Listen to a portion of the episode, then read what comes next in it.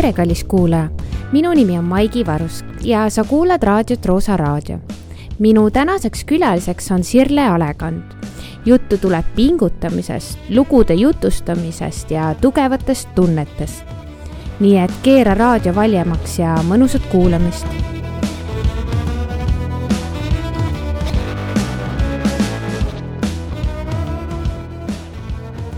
tere, mina usun, et äh, kui me õpime teisi tundma, siis me õpime ennast ka paremini tundma. ja minuga on siin täna väga närvis, on mul õige? jaa, täiesti. jah, äh, väga närvis ja väga emotsionaalne Sirle, tere! tere, Maigi! kust sa tuled praegu? koolist, inglise keele tunnist. täna mul, reedeti on mul selline tore vahva päev et ma pean andma ainult kolm tundi. Kaks tundi omas klassis ja siis üks in-, inglise keele tund neljandas klassis mm. -hmm. kas see inglise keele tund äh, on selline, kus sa räägid ainult inglise keeles või? ma proovin et äh, ma proovin, kuna ma annan ka algklassides või, või alustan juba esimese klassiga inglise keeles, siis ma proovin ka juba esimesest klassist alates võimalikult palju inglise keeles rääkida ja isegi kui nad aru ei saa, siis keegi ikka saab, keegi ikka mõistab ja nad üldjuhul saavad aru ja teavad, mida tegema hakata mm. -hmm aga kui me esitaks sellise üldise küsimuse, et kust sa tuled, siis äh, kust sa pärit oled? no mina olen esimese poole oma elust, veetsin ma Elvas, ma olen Elvas, nii võib vist öelda küll, Elvas sündinud ja kasvanud. Elvas ka koolis käinud ja lõpetanud ära Elva keskkooli. ja siis tulid suurde linna? siis tulin suurde linna, mitte kohe veel täiega, et esimesed aastad, kui ma alustasin õpetajate seminaris õppimist, ma ikkagi sõitsin Elvast Tartusse, aga peale kahte aastat otsustasin, et jah, et nüüd võiks võtta selle ühikakoha ja asuda Tartusse elama mm. -hmm. räägi, milline sa õpilasena olid ja, ja kuidas sina koolis käisid, kas sa nautisid seda? see on hea küsimus. õpilasena ma arvan, et ma olin selline, äh, kuna ma oskasin lugeda ja arvutada, siis ma õppimise ja õpetamise seisukohalt ma olin pigem lihtne laps. Aga kuna mul olidki lugemine ja arvutamine ja kirjutamine juba selged, siis, siis pean tunnistama, et ma olin ikka see laps, keda õpetaja pidi pidevalt mõne poisi kõrvale istuma panema või pinginaabriga lahku istuma panema, et ma olin natuke selline jutustaja, ma arvan. ja õppijana, kuna ma alguses oskasin ju neid asju, mida esimeses-teises klassis õpitakse, siis ma arvan, et äh, ka minul läks edaspidi selle võrra raskemaks, et kohe algusest peale ma ei olnud õppinud pingutama. et mul tulid asjad kõik hästi lihtsalt kätte ja siis, kui ma jõudsin juba, ma ei tea, neljandasse, viiendasse, üheksandasse, kümnendasse klassi, siis mul puudus oskus pingutada ja mul on sellest tohutult kahju. Aga kas äh, sa said niimoodi kogu oma haridustee läbida, et sa ei pidanud pingutama või, või sa? no ma arvan, et äh, mul võib-olla jah, kui, kui lihtne vastus, siis ma pean tunnistama, et ma ei ole tundnud, et ma olen pidanud tõesti väga-väga kõvasti pingutama, et kui ma mõtlen võib-olla arsti, arsti tudengitele või ma ei tea, õigusteaduskonna tudengitele, et siis ma arvan, et see, kuidas mina suutsin oma diplomi kätte saada ja see, mida nemad peavad selle diplomi saamiseks tegema ja kui palju pingutama, ma arvan, et seal on väike vahe sees. aga loomulikult olen lugenud läbi pedagoogilise psühholoogia raamatud ja kõik need muud raamatud no see on juba tugev pingutus. see on ikka väga tugev pingutus, aga pean tunnistama, et kui esimest korda lugesin, ega ma sellest suurt midagi aru ei saanud. aga ma. mitu korda sa seda lugenud oled siis äh,? kaks äh,. neli aastat tagasi lugesin seda uuesti ja see oli hästi huvitav kogemus, sest äh, siis ma sain aru, millest ma lugesin, sest mul oli oma see ma olin selleks ajaks ju juba peaaegu kakskümmend aastat õpetaja olnud, et siis selle teooria ja nende sõnade taha tuli nagu päris elu. ja seda mm -hmm. oli huvitav kogeda. ja see, ja pean ütlema ka, et selle raamatu lugemine võttis tohutu aega, sest ühe lehekülje läbilugemine, et siis sa tund aega mõtlesid selle, selle kõrvale. et mõtlesid oma näiteid koolist. kuna sa ütlesid, et sa ise ei pidanud nii palju pingutama, kas sa näed ka seda kuidagi eriti koolis õpilaste seas ja tunned selle paremini ära läbi selle? ma olen proovinud, ma olen proovinud õpetajana seda, seda märgata, et nüüd räägitakse hästi palju diferentseerimisest. mul ei tule, pean tunnistama, et mul ei tule see veel väga hästi välja, aga ma proovin hoida seda fookuses, et minu klassist kui minu klassis on lapsed, siis nad tunneksid, et nad ei saa väga lihtsalt läbi, et äh, neil oleks ka see pingutuse hetk või et nad oskaksid ennast pingutada, et nad tahaksid seda teha, et nad ei lööks kergelt käega asjadele. ja nii palju, kui me õppimisest teame, siis õpid ainult siis, kui sul on raske. et ma mäletan omal ajal, kui ma äh, kolmandas klassis, et meil olid natukene teistsugused matemaatikaraamatud, et sul oli seal, sul oli saja piires arvutamine selge ja siis seal lahendasid lihtsalt tulpade viisi lihtsalt peast arvutamist ja viisteist minutit, kakskümmend minutit, kakskümmend viis minutit, aga ma ei õppinud sellel ajal ju mitte midagi. kui mul see juba selge on, ma lihtsalt lahendasin neid ülesandeid, aga see ei andnud mulle mitte midagi. et ma proovin ma proovin oma töös sellist mehaanilist tegemist, mis mitte midagi ei anna, vähendada, kuigi ma ei saa sellega muidugi täiesti ära lõpetada. aga kas see mehaanilise harjutamine ei ole ka see, et sa harjutad äh, seda oskust, et sa peadki vahepeal tegema asju järjepidevalt ja isegi kui sa nagu oled juba hea selles ma arvan, et kui sa oled juba hea selles, siis maailmas on võib-olla veel miljon asja, mis aitaks sul hoida fookust ja mis aitaksid sul pingutada, et kui sul üks asi on juba väga hästi välja tulnud, siis võib-olla sa ei peaks enam väga palju aega selle peale raiskama, aga loomulikult sa pead harjutamise osa ja kinnistamise osa, see on kõik väga hea, aga kui ma juba seda oskan kas sa oskad tuua mõne näite näiteks, et mida sa viimati oled niimoodi teadlikult näinud klassiruumis ja arendanud edasi, teinud mõne raskema variandi ülesandest või läinudki õppekavast äh, välja? ma arvan, et päris õppekavast ehk välja ma ei ole läinud. aga kui mõelda matemaatika peale, siis kui palju on loogikaülesandeid või nuputamise ülesandeid, et mida sa ei saa lihtsalt niisama ära teha, vaid sa peaksid mõtlema selle peale. kui palju on eesti keeles nagu loovusülesandeid, et sa lihtsalt ei hakka seda tegema, aga sa pead enne natukene mõtlema, pingutama keskenduma, mitte lihtsalt teen ära, et kui sa oskad juba sõna, sõna ema kirjutada, et siis mis mõtet on sellel, kui õpetaja annab sulle, et kirjuta veel kümme korda sõna ema mm. -hmm. mis sinu jaoks on veel tähtis äh, õpetajana? mis on see asi, milleta sa ei saaks olla seal, kus sa oled klassi ees? ma arvan, et äh, see laste arengu märkamine võib-olla. et ma mõtlesin, et mis on, mis teeb minu päeva selliseks, mis eristab minu väga head päeva minu tavalisest päevast, on see, kui mõni laps ütleb, aa, ma sain nüüd aru. Et see on nagu, see on vist muusika iga õpetaja kõrvadele, et see on, see on see hetk, mille pärast mina olen õpetaja.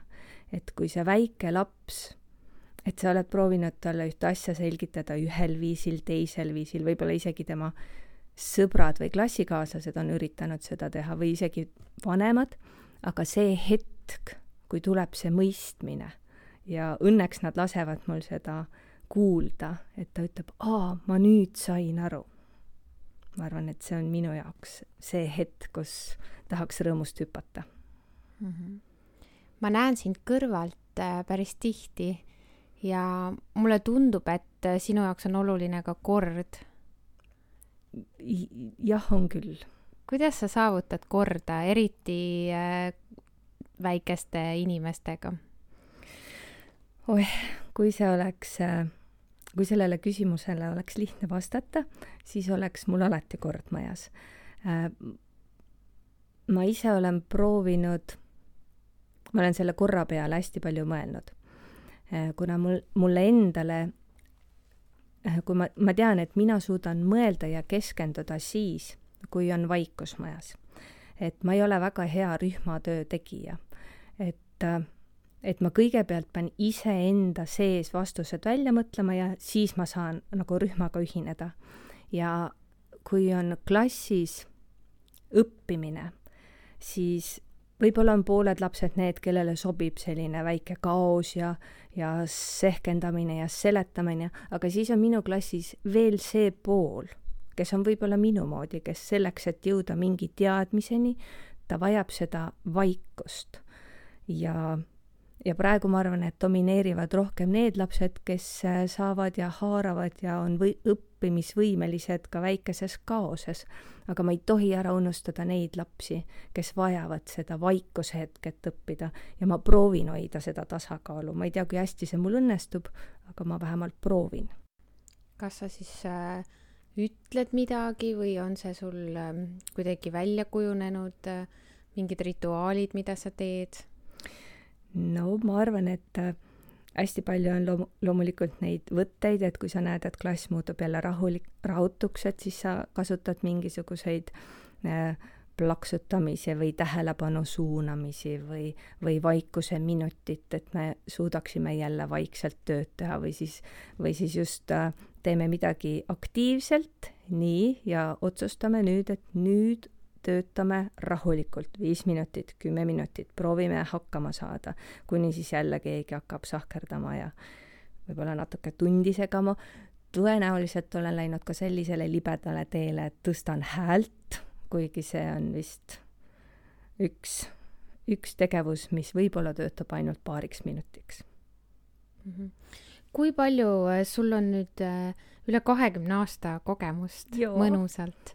et äh, kui palju on muutunud see, kas su töö on läinud raskemaks või oled sa juba vana kala ja tunned ennast ülihästi? no kui ma mõtlen selle peale, et kui ma olin see kahekümne kahe aastane alles koolist tulnud ja kes ma olen praegu, siis noh, nagu arvata võibki, seal, seal on hästi suur vahe. ma arvan, et nagu me kõik noored oleme natuke naiivsed ja mina arvasin ka, et alati saab hea sõnaga ja, ja kõik on armsad, ilusad ja head, no seda ma mõtlen ikka veel, aga ma olin kuidagi naiivsem. naiivsem, oled naiivsem. õppinud ikkagi? ma olen, ma olen ikkagi õppinud, et mm -hmm. võib-olla eelkõige enesekehtestamist, ma ei tea, millisel viisil, aga ma arvan, et see enesekehtestamine ja, ja ja ega väga paljusid asju seal klassi ees enam ei karda, et see enesekindlus, mis tuleb, on nagu mõnus. et ma ei saa öelda, et ma olen nüüd vana kala, aga eks mul neid nippe ja töövõtteid ja meetodeid on kindlasti kogunenud kahekümne aasta jagu, et väga huvitav on vaadata, kui tulevad praktikandid. ja siis äh, viimane kord siis praktikant ütles, et sul on nagu nii hea tund, et mina veel ei oska. mina veel nii ei oska ja siis ma ütlesin, et aga see on ju ainult hea, et kujuta nüüd ette, kui sinu tund ja minu tund oleksid täpselt ühesugused. et kuidas mina siis ennast tundma peaksin, et siis kas ma tõesti, et kahekümne aasta jooksul ei olegi arenenud. et võta seda, võta seda kui, võta seda kui mida et et näha, kuhu ja, võib jõuda. näha, kuhu võib jõuda ja kuhu võib veel, kindlasti nad saavad tänapäeval, saavad üliõpilased märksa laiapõhjalisemat haridust kui meie. juba see, et äh, neid filmitakse ja sa näed, kuidas sa klassi ees käitud ja kõik see tagasisidestamine, mis meil võib-olla oli, aga mitte nii palju kui praegu mm. -hmm. Mina olen istunud ka sinu tunnis, kas sa mäletad? mäletan. mäletad, see oli äh, neljas klass äkki, inglise keele tunnis käisin. võimalik. ja mulle meeldis väga mm, sinu tund mm, aga üks asi, mida ma alati nagu algklassi äh, õpetajate puhul äh, mõtlen, et kuidas sa paned äh, neid piire enda ja laste vahele ja kas need on sinu jaoks olulised, kas see kallistamine, pea paitamine, äh, kas need ajad on läbi? minu ajal need veel olid. ma vist ei ole väga kallistaja tüüp, et äh, väikesed lapsed esimeses klassis tõesti tahavad kallistada, ma kedagi ära ei aja, aga pigem ma kuulan ja sellist äh, füüsilist lähedust vist minu käest nad väga ei saa. aga sellist mõistmist, kuulamist, jutustamist, naeru, nalja, mängimist, seda küll mm. -hmm. No mina mäletan sellist äh, asja, et äh, algklassidest kuidagi on see meelde jäänud, et oli alati üks, kes hoidis õpetajal käest kinni, kui sööklasse mindi. oli alati see üks, kes oli eesreas, kes sai kiita, ehk siis selline lemmik. kas sul on olnud lemmikuid aja jooksul, lemmikõpilasi ja?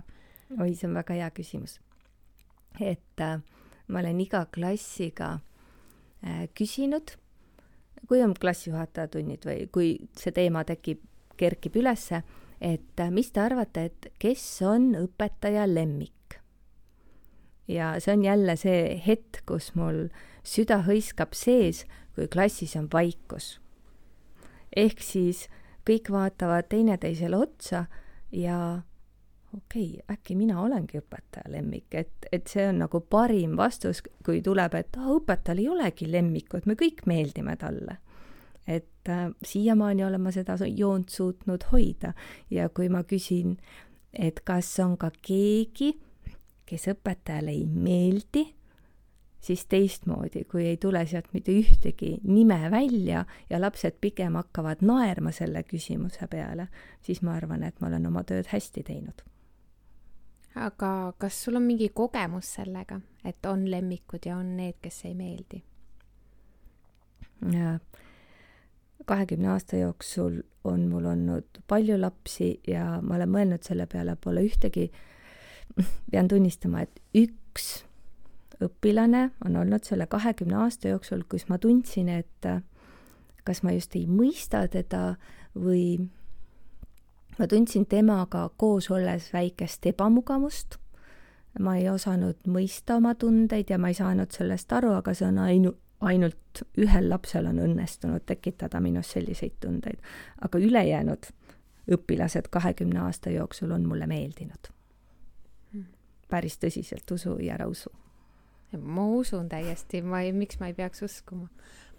aga no ikkagist äh, õpilasena sellist asja tunda, et, et sa meeldid õpetajale või ei meeldi, et see võib vist päris kurnav olla. see võib kui, olla. kui sa tead et.... ja ma arvan, et väga paljudel juhtudel võib tekkida tunne, et ma ei meeldi õpetajale, ma ei oska küll öelda, millest see võib tekkida, et ma ei meeldi õpetajale, aga ma ei tea, kui mul on sada või kakssada last õpetada, siis noh, mul ei ole aega selliseks asjaks, et ma valin nüüd ühe õpilase välja ja ta, tegelen selle mõt-, sellele mõtlemisega, et ta ei meeldi mulle. et ei, selle nagu... pea-, tundub nagu esiteks täiesti mõ-, jah, ei, ei, ei, ei, seda ei saa olla hmm.. vähemalt minu puhul mitte.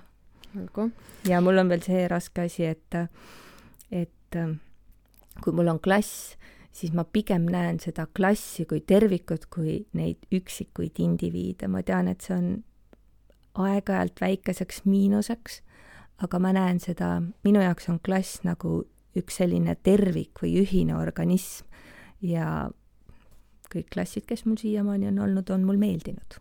Äh, mis sa arvad, kas sa mäletad kõiki õpilaste nimesi veel? ma arvan, et äh, võib-olla mitte aga ma ei tea, kas sa hakkad nüüd kontrollima, loed ei, mulle nimekirjad ette? ei, ma ei loe ette. ma arvan, et ma tunneksin nad ära, aga mul võib-olla, kui, kui antakse mulle valida, et, et mis, mis sa arvad, et kas tema nimi oli nüüd Anna või Mirjam, et siis, siis ma arvan, et siis ma tunneksin nad küll ära, oskaksin näo ja nime kokku panna mm. -hmm et äh, millal ma aru sain äh, ise, et mul on juba kogemust, oli see, kui ma va-, nägin õpilast äh, tänaval, endist õpilast ja ma tean, et ta on mu õpilane, aga mul ei tule nagu kohe meelde, mis ta nimi on või no et, et siis ma sain aru, ahah, et mul on vist päris palju neid juba olnud, et aju enam nagu nii kiiresti ei reageeri. ja ma avastasin ise seda, et äh, aju enam nii kiiresti ei reageeri, et muidu oli uuel, uue klassiga esimese nädala lõpuks juba nimed selged, siis nüüd läheb natuke rohkem nimede õppimisega aega. Hmm. no keerulisemad ka võib-olla äh,? oli äh, oli aeg, kui oli üle poolte laste topeltnimed, nüüd on jälle nimede osas natukene lihtsamad variandid, et nüüd väga palju enam topeltnimesi ei panna mm. -hmm. aga jah, oli umbes kaksteist aastat tagasi, siis oli üle poolte laste klassis olid topeltnimed. Äh, nimedega seoses äh, panin sinu nime Google'isse. oo, kui põnev.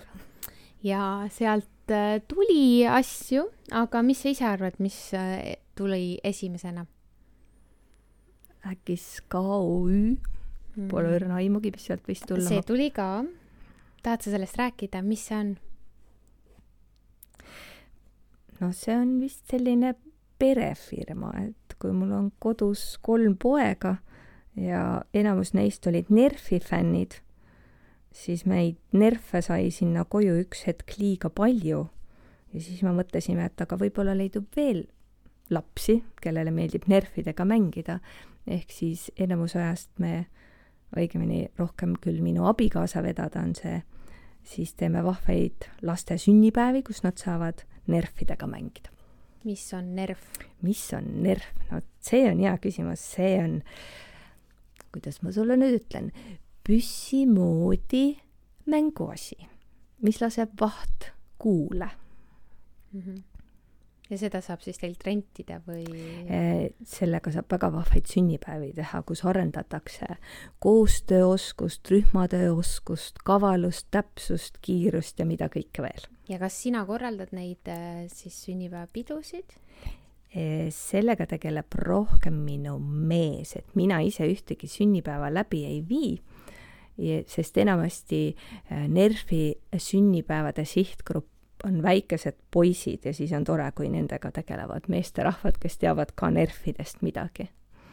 aga need on väga vahvad sünnipäevad ja, ja siis, kui kui mõni sünnipäev on jälle peetud, siis ma alati küsin oma abikaasa käest, et mis koolist lapsed olid. et ma arvan, et äh, minu abikaasal on ka väga suur ülevaade Tartu linna koolidest ja millised lapsed seal koolides õpivad. olgu, no see tuli ka, aga esimene asi, on sul veel pakkumisi? ei. tead, see on selline kaheldav asi, aga see tuli ja see on Perefoorum. perefoorum? jah sa tead, mis on Perefoorum, eks ole? ma olen sellest kuulnud. jah, ja sinu nimi tuleb sealt siis äh, esile ja seal käib mingisugune arutelu oh. õpetajate kohta. nii. ja sinu kohta on seal öeldud äh, äh, tugev õpetaja. ja et äh, säilib koolirõõm hmm,. see on huvitav kas sa teadsid, et sinust on kirjutatud seal midagi? ei, ma ei ole kunagi perefoo-, pere, pere, mis, perefoorumis käinud mm., tõesti ei teadnud. tugev õpetaja või? tugev õpetaja. oi, see on nagu kompliment. see on kompliment, jaa. ma võtan selle rõõmuga vastu e,. muidugi võta, aga mida tähendab sulle ja kui, kuidas sa oma tööle tagasisidet saad? Perefoorumis sa ei käi perefoorum, perefoorumis ma ei käi, kuidas mina saan enda, ma arvan, et äh, esimene tagasiside saaja olen ma, tagasiside andja olen ma ikkagi ise. et ma mõtlen selle peale, kuidas, kuidas mul läks, mida ma tegin, mis toimib, mis ei toimi. teiseks tagasiside andjaks on kindlasti lapsed.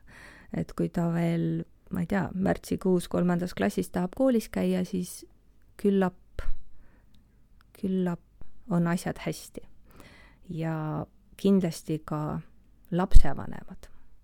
võib-olla kõige parem lapse äh, tagasiside ongi see, et nad lasevad mul rahulikult oma tööd teha ja ma arvan, et see on märk, märk ka usaldusest ja sellest, et nad leiavad, et see, mis ma teen, on õige ja hea.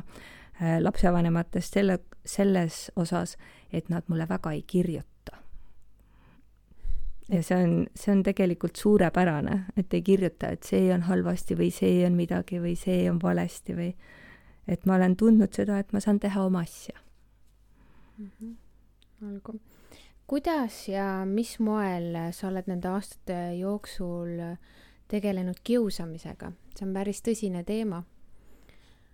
see on tõsine teema ja kui kiusamisest rääkida, siis äh, selline sõna nagu vihkamine on hästi-hästi tugev sõna ja tugev emotsioon, siis kui minu käest keegi küsib, et kas sa midagi vihkad, siis enamjaolt ma saan vastata ei.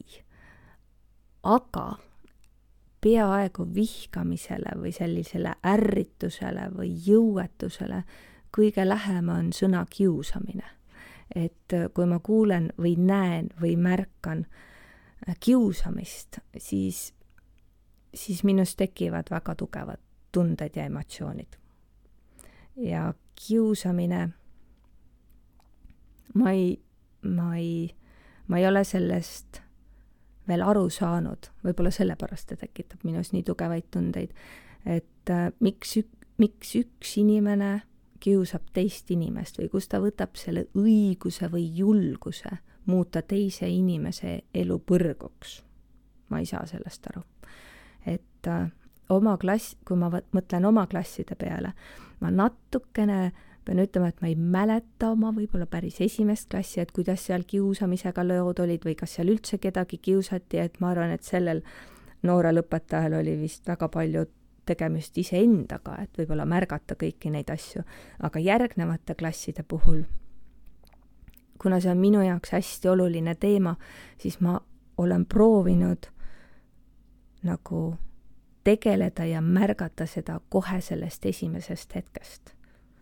et sellest rääkida, rääkida ja veel kord rääkida. et kõik minu klassi lapsed saaksid käia hea meelega koolis, et nad ei peaks kartma kooli tulla või muretseda selle pärast, et äkki keegi ütleb mulle midagi halvasti või jah, see kiusamine on midagi, mis äh, mind alati nagu käivitab ja kurvaks teeb. kas, äh, kas see füüsiline kiusamine on asendunud sellise vaimsega või on, või on see ikkagist seesama, mis aastaid tagasi? Sest minul on mulje, et pigem on nüüd juba selline vaimne kiusamine rohkem. no õnneks meie koolis, Miina Härma gümnaasiumis on, ma tahaks loota kiusamist ikkagi üpriski vähe ja, ja nagu ma nõustun sinuga, et sellist füüsilist kiusamist, ma ei tea, kas meie koolis üldse on, aga, aga ma arvan, et seda vaimset kiusamist, võib-olla natuke sellist narrimist ja tõrjumist ja, ja see kiusamise vormid on tõesti läinud pigem internetti, et see on küll alles. aga ma loodan, et mitte, mitte väga minu klassis. kas ka täiskasvanud omavahel kiusavad? no ma arvan, et äh, ikka. Õnneks ma pole sellega väga kokku puutunud mm. -hmm. sa kooli ajal puutusid kiusamisega ise kokku? Pean tunnistama, et see on üks asi, mis on mind nagu häirinud, et äh, mina olin see kõrvalseisja rollis, et äh, kui mina algkoolis käisin, siis jah, minu klassis oli üks poiss, keda kiusati nii vaimselt kui füüsiliselt ja seda oli väga valus vaadata, aga ma mitte kunagi ei sekkunud, et, et äh, mul puudusid oskused või julgus midagi muuta ja mul on sellest ääretult kahju. aga mida sa praeguse teadmise baasil teeksid, kui sa näeksid sedasama, aga sul on kõik need teadmised, mis sul nüüd on? ma arvan, et kui ma oleksin seal see arg viienda klassi tüdruk, siis vaevalt ma suudaks midagi rohkemat teha, kui ma siis tegin. praegu ma ütleks, ma ei tea, kiusake mind või, või mind. just kiusake mind, et minul on kõik hästi, et mina saan sellega hakkama ja tõenäoliselt noh, mis sa ikka kiusad sellest inimesest, kes ütleb, et kiusa mind. aga ma tõesti ei tea, mida peaks see viienda klassi tüdruk tegema või neljanda klassi tüdruk, kui ta näeb kiusamist pealt? see on hea küsimus, see on midagi, millele mõelda. jah. Ma ise ka ei teaks, mida teha. jah, et, et öelda, öelda siis sellel hetkel, et jätke järgi, see on nõme, ma ei usu, et see toimib, aga minna õpetaja juurde? minna õpetaja juurde, see oli, see oli teine asi, mis mind tagantjärgi mõtlema pani, et äh, ma ei usu, et õpetaja ei teadnud sellest, sest see oli nagu nii nähtav, aga, aga ma ei märganud või õpilasena ei tajunud, et õpetaja oleks sekkunud või õpetaja oleks selle probleemiga tegelenud. mis on ääretult kurb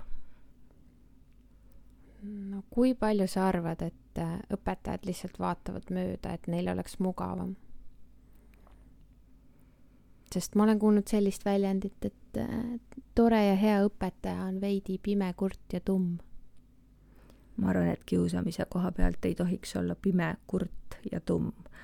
Äh, sellise väikese nääkluse peale loomulikult ei pea reage-, reageerima, aga kui on ikkagi süsteemne kiusamine, siis tänapäeval, kus sul on võtta sotsiaalpedagoogid, psühholoogid, rajaleidjad, et selleks on nii palju loodud võimalusi, et sa ei jääks selle murega üksi, et kui sa märkad kiusamist ja sa ei oska seda ise lahendada, siis, siis sina õpetaja ja täiskasvanuna peaksid leidma abi.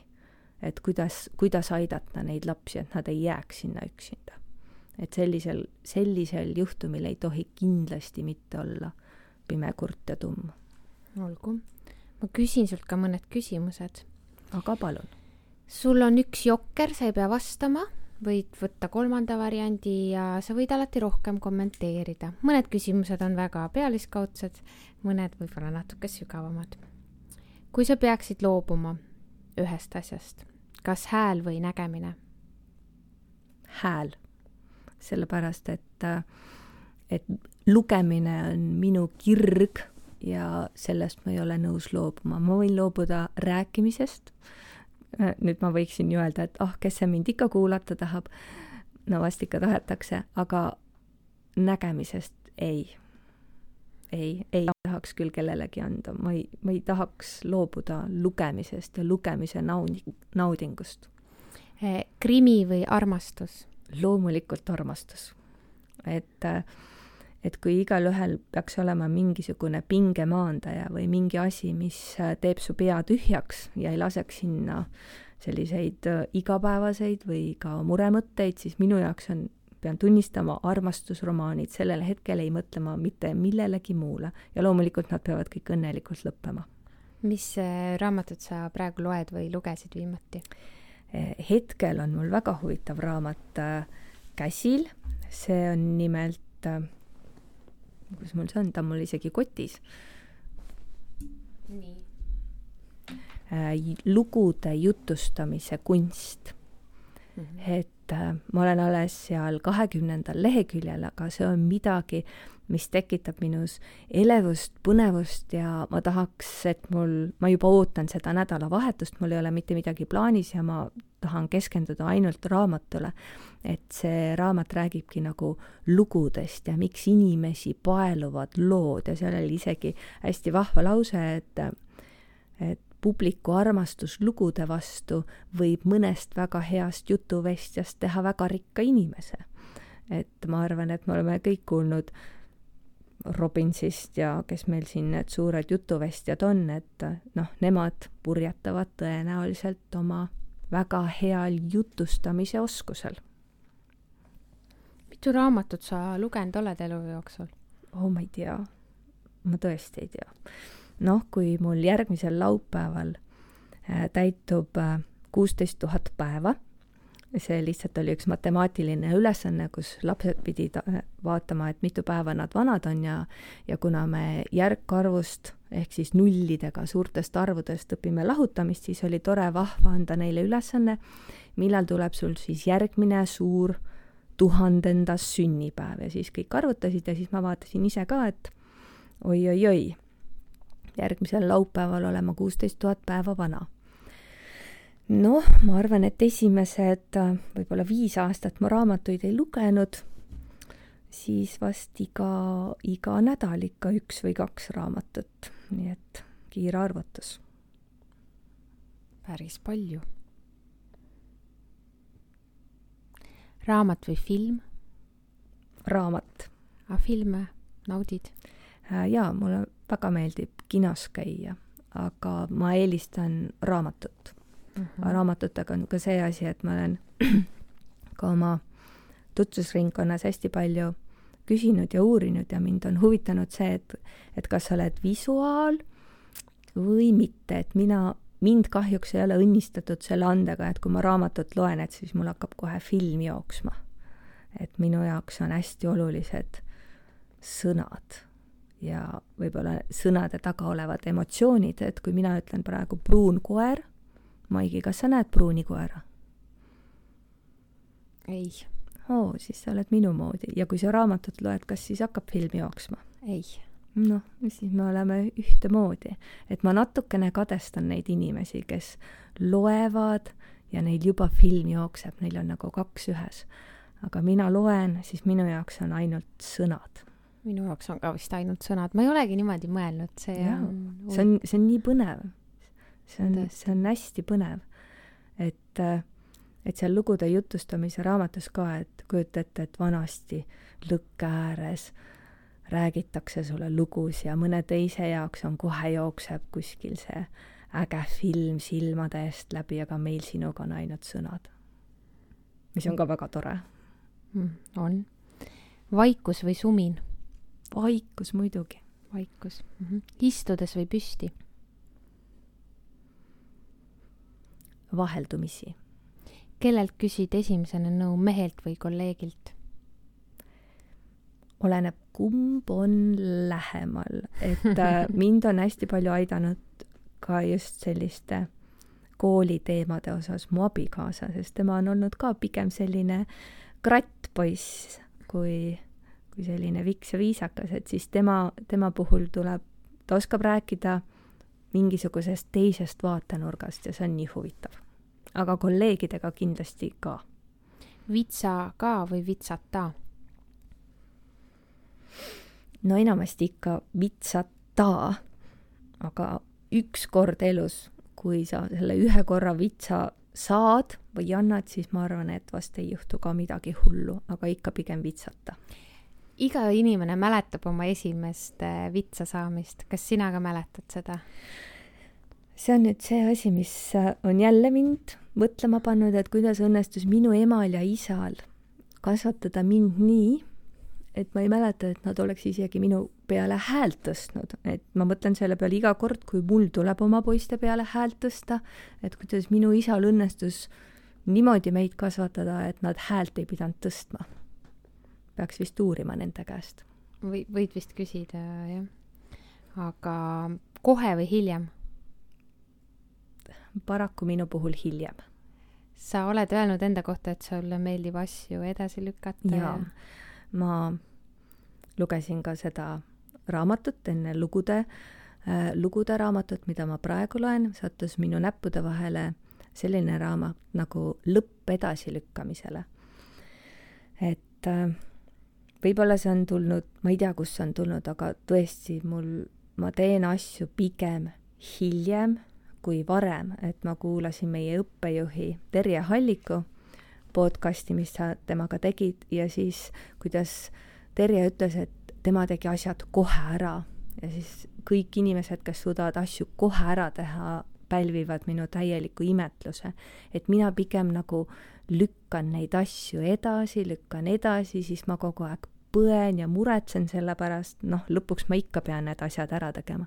et kui ma vahel olen seal õppenõukogus ja siis tulevad ette need oh, vaesed õnnetukesed, kellel on siis vene keele kaks või matemaatika kaks, et et mõnes mõttes ma nagu mõistan neid, et võib-olla pooled neist on ka sellised, et et nad nagu tahaks aga nad lükkavad asju edasi ühel või teisel põhjusel ja siis sa nagu ei oskagi neid asju hakata harutama. et see on vist ka oskus, et mina olen ma olen tahtnud endale seda joont, et ma olen järjekindel ja teeksin asjad kohe ära ja juba mõnda aega mul oli nagu väike mantra või soov, et ma ei oleks laisk. et minus oleks rohkem usinust.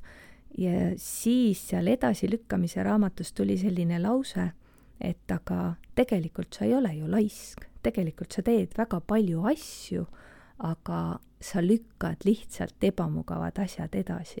ja olles kolme poja ema ja õpetaja, no Maigi, mis sa arvad, kas saab olla inimene laisk? ei. just nimelt, et minus ka tõenäoliselt ei olnud laiskust, aga ma lihtsalt lükkasin asju edasi, selliseid asju, mis võib-olla nõudsid minult mugavustsoonist väljaastumist, et see on see lause, et äh, minu sahtlid pole kunagi nii korras olnud kui eksamisessiooni ajal. et õppimise asemel ma siis koristan või teen midagi, et siis ma nagu petan iseennast, aga ma ju tegin midagi. aga sa tegid kõiki neid asju, mis ei, sellel hetkel ei ole üldse tähtsad. aga lõpuks sa ikkagist teed ära need asjad?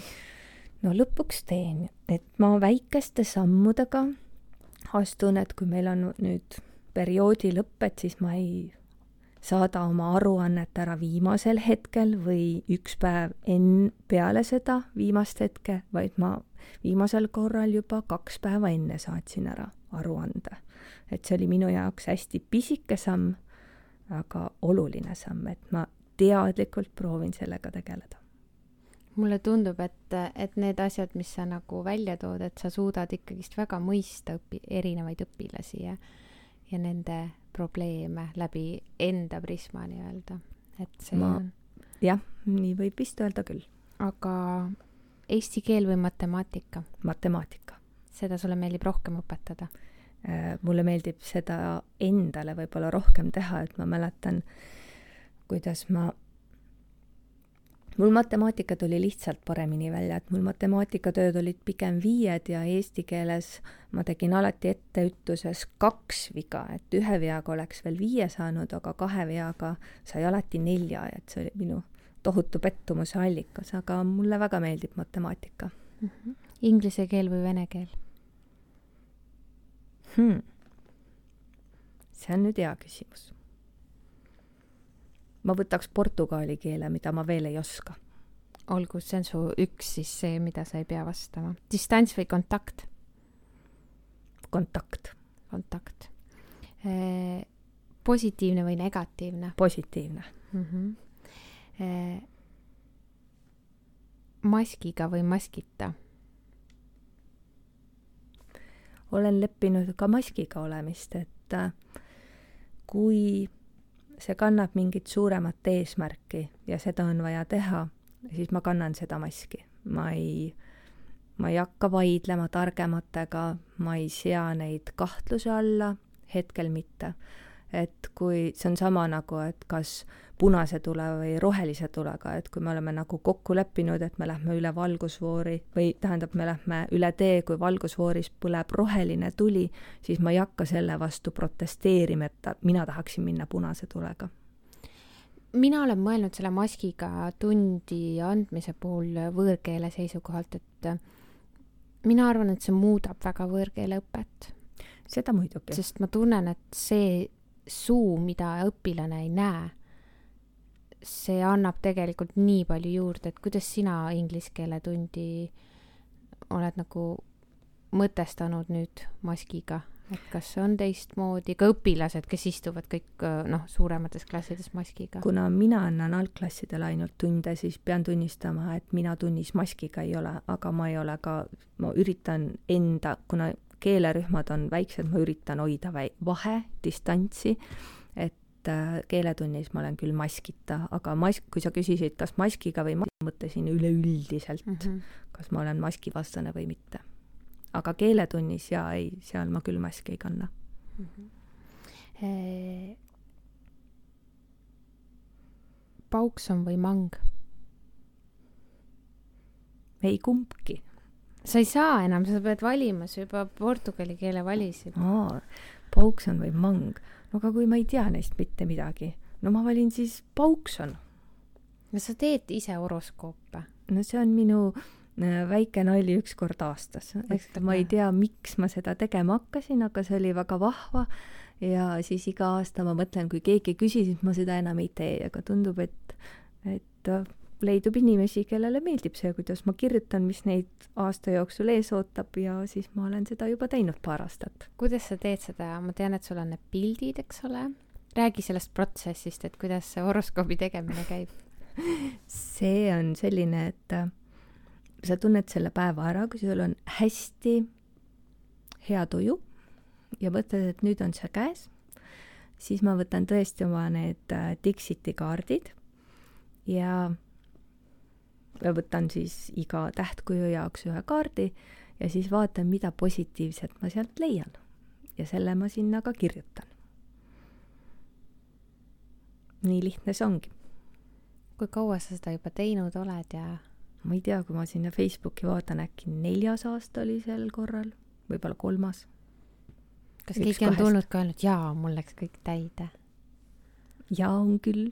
on jah? jaa kas sa usud ise selliseid äh, ma ei teagi, kuidas nüüd see sõna õige on, mitte il-, ilmalikke vaimseid, pigem vaimseid selliseid asju universumisse?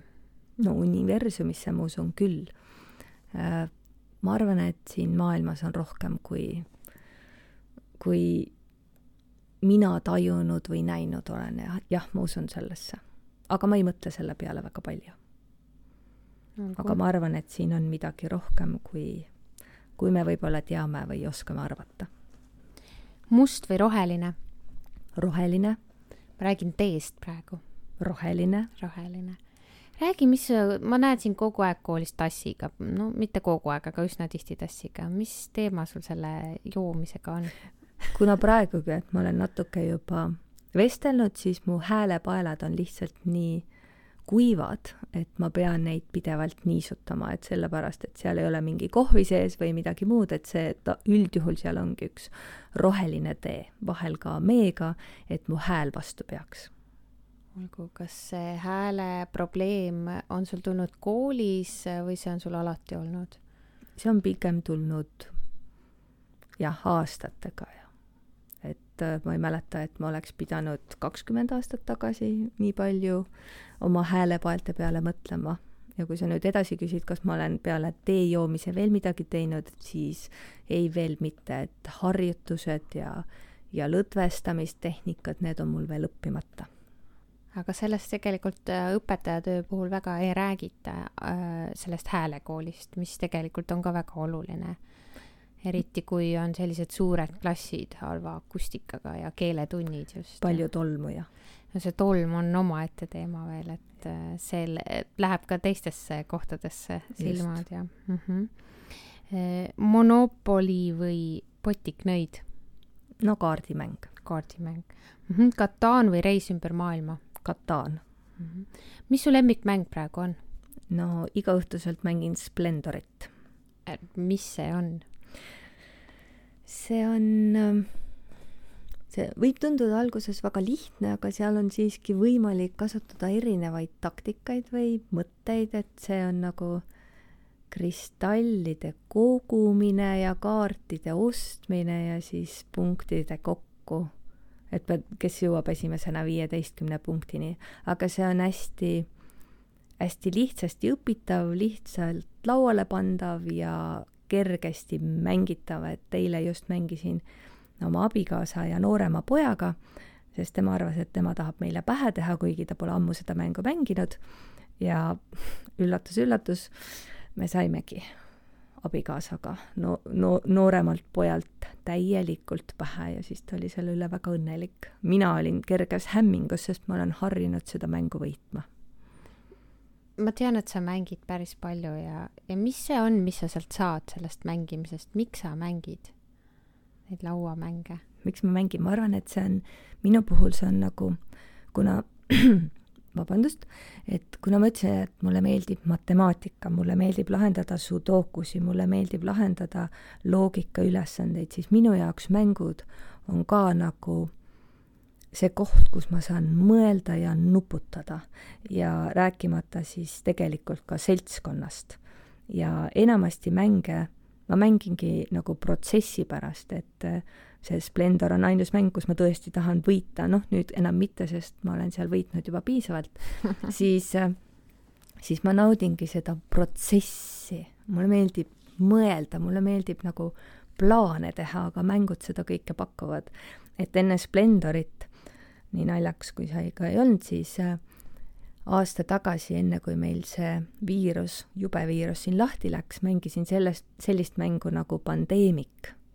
tõeliselt vahva mäng ja see on selle poolest vahva mäng, et sa saad nagu oma seltskonnaga viiruse vastu võidelda, et sa ei pea nagu üks-ühele võitlema. et sul on see kogemus olemas sa võid minna olemas. Kallasele praegu nõu andma. no päris ei saa, et aga seal on tõesti, et, et hästi-hästi vahva mäng see mängimine kuidagi käib sinu juurde minu silmis vähemalt. nii ma palju ja vähe, kui ma sind tean, et see mm. mängimine on, on üks osa sinust. jaa, mul, mulle tõesti mäng-, meeldib mängida, pole vist lapsepõlvest lahti saanud. noh, see on väga hea. lapsed või täiskasvanud? täiskasvanud. täiskasvanud, ma tean, et sa praegu tegeled äh, sellega, et sa õpid, kuidas õpetada täiskasvanuid, on mul õigus? räägi sellest natuke lähemalt, et kuidas nüüd järsku algklassiõpetaja pöördub täiskasvanute poole siiski? ma olen isegi mõelnud, et see on ju alles hästi uus asi, et aga kus mul see tõuge tuli või et kuidas ma sinna sattusin või miks ma seal olen. et kuidas see täiskasvanu koolitus minuni jõudis, aga ta jõudis ja ma olen juba kahel, kahel nagu kaks korda kaks õppepäeva seda, seda läbinud, et äh, ma tõesti ei tea, mis andis selle tõuke või soovi tegeleda täiskasvanutega ja, ja kui ma, ja kui mul oli mingi soov õppida midagi juurde või uut, et miks ma siis võtsin nii selle lähedase asja, mida ma praegu niikuinii nii teen, et miks mitte mingi kardinaalselt teistsugune samm teha, seda, sellele küsimusele ma ei oska vastata. aga jah, täiskasvanute õpetamine. et see tundus põnev. see tundus põnev ja eriti põnev tundub nii pean vist. sa pead vist jooma ma teen sulle lahti või? nüüd oleks sul seda teetassi. no nüüd oleks vaja seda rohelist teetassi, ma küll korra mõtlesin, et võtan kaasa. et kõige toredam täiskasvanute õpetamise juures on tead, mis asi? täiskasvanud tahavad õppida. No kas nad just tahavad, aga vastutus on nendel. et kui sa väikseid õpetad, siis, siis sa ikkagi tunned, et et sina pead ka panustama ja sa pead neid suunama ja aitama ja sa vastutad selle eest, mida nad õpivad ja kuidas õpivad, ikkagi natuke rohkem. loomulikult sa ei saa kellelegi lihtsalt teadmisi pähe panna, aga täiskasvanute puhul sul on nii lihtne, see vastutus on kõik täiskasvanul endal, ta kas õpib või ta ei õpi, sest sina ei lähe täiskasvanule ütlema, et vot, sa pead nüüd seda tegema et kui juba täiskasvanu on õppima tulnud, siis see on tema enda vaba valik. aga kas äh, seal äh, seda õppides, äh, mis su nagu eesmärk on, mis, mis see sulle annab lõpuks, kas sa hakkad? Hakkan täiskasvanute koolitajaks? yeah.. see on hea küsimus kui ma selle välja mõtlen, siis ma annan sulle vastuse, et võib-olla siis äh, Äh, gümnaasiuminoored võib-olla ei ole veel päris täiskasvanud, aga samas nad pole ka veel väga lapsed, et või, võib-olla ma siis teen neile sellise koolituse või kursuse, et kuidas toime tulla või hakkama saada oma edasilükkamisega. võib-olla on sedasama vaja mõnele teiselegi täiskasvanule, et see tunduks nagu mingi tore või põnev väljakutse, mille ma olen valmis vastu võtma oma rahulikku ellu mm. -hmm see täiskasvanute õpetamine, ma ju olen seda teinud äh, kunagi ja see on tõesti hoopis teistmoodi, et seal sellist ähm, sellist asja nagu praegu koolis kasutada igapäevaselt ikka kasutada ei saa, et siis, siis, siis oled sa vales kohas seal ees, et. samas äh, olles nüüd need kaks äh,, kaks korda neli päeva ainult ära käinud, siis mina äh, väga suurt vahet sellel andragoogikal ja pedagoogikal ei näe. et ka meiega me õpime seal ka hästi palju nagu läbi, läbi tegevuste. et siis need tulevad väga palju tuttavad ette selles, mida me nagu koolis lastega teeme üllatus, üllatus. Kindlasti mängida tuleb, loominguline tuleb olla, tuleb vaadata. ja et enam, isegi täiskasvanute koolitusel ei ole enam niimoodi, et sa lihtsalt istud ja kuulad. jah, see jääb väheseks. see jääb järjest vähesemaks. samas, kui sa mõtled, kui tulla tagasi nende loo jutustamiste juurde, et kui see inimene ise on nii nii eriline ja ta valdab lugude jutustamise kunsti, siis piisab ainult sellest inimesest ja tema häälest ja rääkimisest ja kõik on vaimustuses ja kõik saavad valgustatud ja inspireeritud ja motiveeritud. aga selliseid on vist vähe. see on see X-faktor. see on vist mingi X-faktor. mida on vähestel, jah. milline oled sina kolmekümne aasta pärast? kolmekümne aasta pärast no ma loodan, et ma olen juba pensionär. Siis juba võiks olla küll, aga ma arvan, et äh, kolmekümne aasta pärast ma näen ennast äh, ikka veel naermas.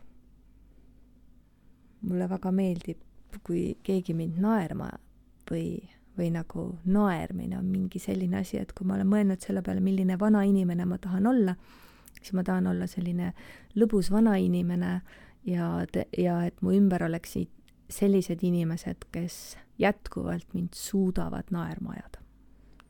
kuhu me hariduses tüürime?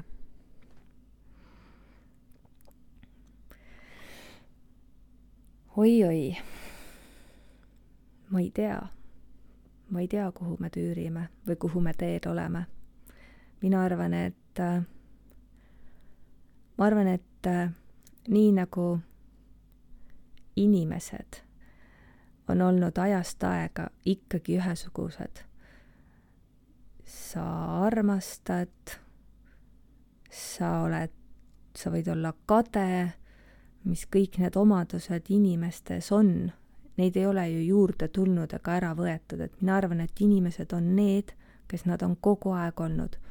ma arvan, et kool võib tüürida ühes suunas või teises suunas või proovida või katsetada, aga ma arvan, et see põhiolemus vist jääb ikkagi selleks samaks, kui nagu räägitakse sellest kümne tuhandest tunnist, et saavutada midagi, siis, siis, siis ei saa, et selleks, et midagi saavutada või midagi tõeliselt hästi teha, ma ei usu, et see arv muutub, ma ei usu, et, et kool tüürib kuskile sellises suunas, et sul on võimalik ainult kümne tunniga saavutada midagi erilist.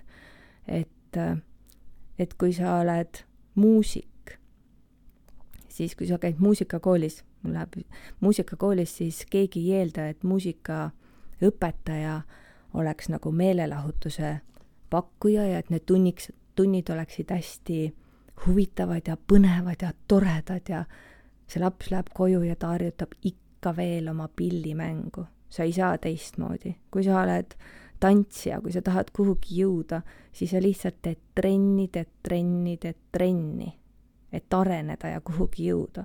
kui sa oled sportlane, siis on see ju samamoodi, et sa, et midagi saavutada, sa pead selleks nagu pingutama ja mina arvan, et kool võib katsetada erinevaid suundi, erinevaid lähenemisi.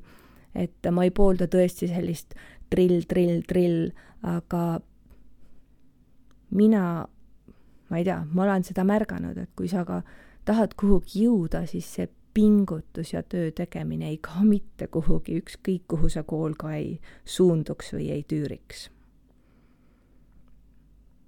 see oli nii ilus mõte, ma kuulasin sind suu ammuli praegu sa, sa oled hea jutuvestja. oi, aitäh sulle. nii et äh, see, selle üle, jah. tasub mõelda, eks? jaa, see on mõnus mõte, mida mõelda edasi, et äh, inimene on ikka inimene, eks ole. inimene on ikka inimene kõikidega, kõikide oma emotsioonide, oma tunnete, oma tahtmistega. inimene on ikka inimene. ole hea, võta kommi oi, aitäh! kas see on jälle katse, mis värvi ma võtan või? Sa võid võtta. ma võtan roosa, aitäh. roosa. sinulik, ei ole? aitäh sulle, Sirle. väga tore oli. aitäh sullegi, Maiki. ma olen mõelnud, et, et võib-olla see, et mina läksin sinna täiskasvanukoolitusele, oled ka sina selles natuke süüdi, et, et sa inspireerisid, et ma arvan, et see, et sa hakkasid seda raadiot tegema, oli ka sinu puhul väike soov, aga, aga ma arvan, et suht palju mugavustsoonist väljas olid nendel esimestel kordadel. kindlasti. kindlasti, et siis ma mõtlesin, et aga miks mina ei võiks teha midagi sellist, mingit, midagi, mis pakuks mulle elevust või põnevust ja näed, sinna ma jõudsin ja täna sa tulid siia. ja täna ma tulin siia, et ma mõtlen, et kui see esimest korda see Roosa, Roosa raadio kutse mulle postkasti potsatas, siis oli minu esimene hetk see, et ei, ei, ei, ei, ei, ei, ei, mis, kes, kes mina üldse olen või mis minul üldse nagu rääkida on. ja siis mõtlesin, et aga miks ka mitte, et mina õpetajana et kui meil on õppijaprofiilid, et räägime õpet-, õpilastele kogu aeg, et olge julged ja katsetage ja proovige ja mulle antakse selline võimalus ja et ma löön nüüd põnnama. ei, ma pean näitama ja ma pean ka ise eeskujuks olema, et, et isegi kui on midagi, mida sa kardad, siis tee see ära. et aitäh sulle, Maiki, kutse eest ja see oli Roosa Raadio kümnes osa. suur tänu kuulamast. ma olen jõudnud kümnenda osani ja siiani teekonda täiel rinnal nautinud. ma siiralt usun, et kui me õpime tundma teisi, siis me õpime ka ennast paremini tundma. Millal, kellega ja kunas me järgmine kord kohtume, eks seda näitab aeg. Auf Wiederhören